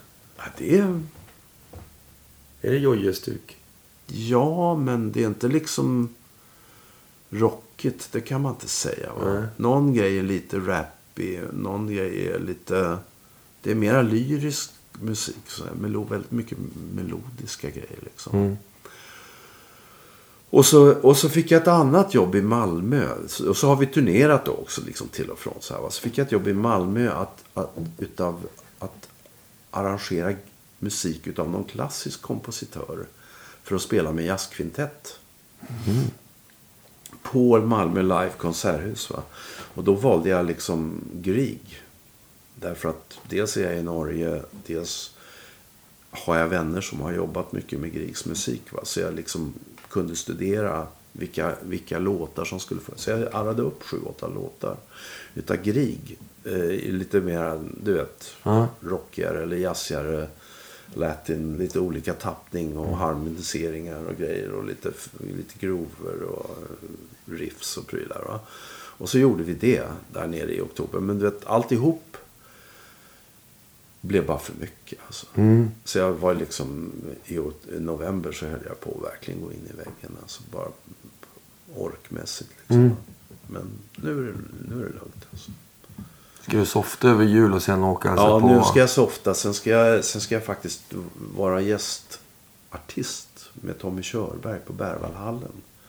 Sista dagarna i januari. Och det blir kul som fan. Då, blir det, då ska jag sjunga fem, sex utav de här barnvisorna med symfoniorkestern. Som, som vi spelat in i Göteborg. Och så eh, ska ju vi spela en fyra, fem Made in Sweden-låtar också. Från 70-talet liksom. Är det du som arrar för stor? Eller Nej, för, nej, nej, nej. nej. Det, det är ju folk som kan det där. Och du slipper så här, ja, ja, barn, du... nej, nej, nej. nej det, det, det skulle vara, då fick jag uppfinna hjulet igen på något sätt. Alltså. Ja. Det, utan det, det gör folk som kan det där verkligen bra. Men shit, du, det, det, du har verkligen grejer på gång alltså. Ja, alltså det, det mesta är ju gjort nu på något Mm. sätt. Va? Nu hoppas jag ju att det kan bli lite mer av sådana gig. Liksom, Mm. Där jag kanske kan spela med symfonietter eller med... eh, Eh, det jag också gör rätt mycket, jag spelar med en, med en Uppsala-baserad grupp som heter Trio X. De var med på den här eh, symfoniplattan med barnvisorna också. Vi är ofta ute och spelar barnvisor eller jazzgrejer. Och så har vi gjort en... För ett par år sedan så spelade vi in en platta med salmer som vi spelar i kyrkor. En jättefin platta alltså. Jag vet inte om du vet, jag gjorde för en fem, sex år sedan så gjorde jag en julskiva som heter Jul på svenska. Med Janne Lundgren på piano och en, Ja, och en norsk basist som heter Arild Andersson. Och det är liksom sådär stilla, meditativt. Men jullåtarna va. Men Mm. utan att det är någon som står och gapar på toppen liksom. Utan det är instrumentalt liksom. Va? Det är inte ohelgade. ja, visst. Nej, och, eh, och, och sådana såna grejer liksom. Inte, men en del gapar är jättefint liksom. Men, men, men jag tycker musiken var så fin så att jag ville göra musiken för musikens egen skull. Inte som, en, inte som ett fordon för någon att göra sin grej. Liksom? Och det är klart, det är väl min grej då kan man säga. Men, men eh, då gjorde vi en psalmplatta i samma typ av landskap. Liksom, musikaliska landskap. Lite meditativt, lite svängigt ibland, lite kul ibland. Så,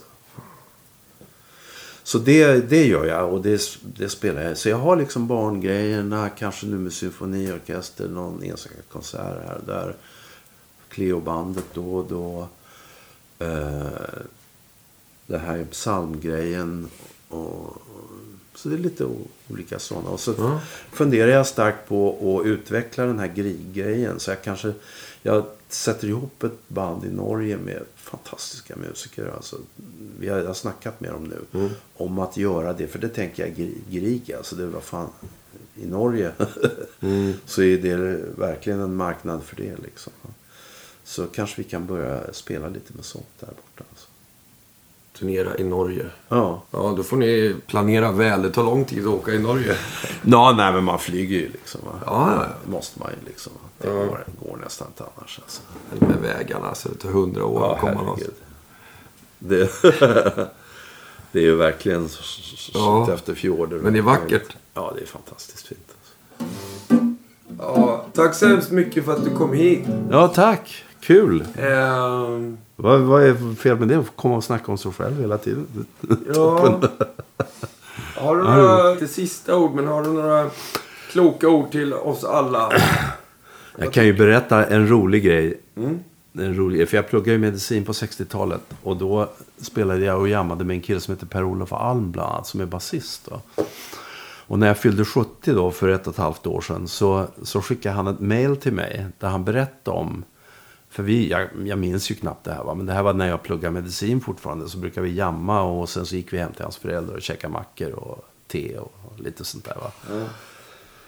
Så 30 år senare så kommer han hem till sin farsa på 90-talet.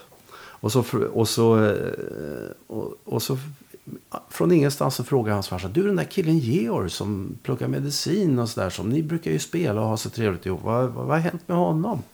Och Per-Olof gick ju igång lite grann. Va? Liksom sådär som att ja, nej, han har blivit musiker. Vet du. Han, har, han har lirat med dem och så raddade han upp allihopa från Cornelis och Pugg till Dan och allting. Liksom, va? Och så säger farsan så här. Ja men vad synd. Han som verkar vara en så fin kille. Han kunde bli läkare. ja, han kunde ha blivit något alltså.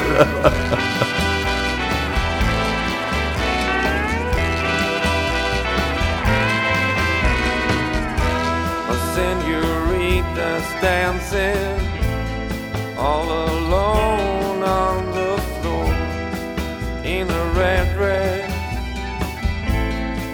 in a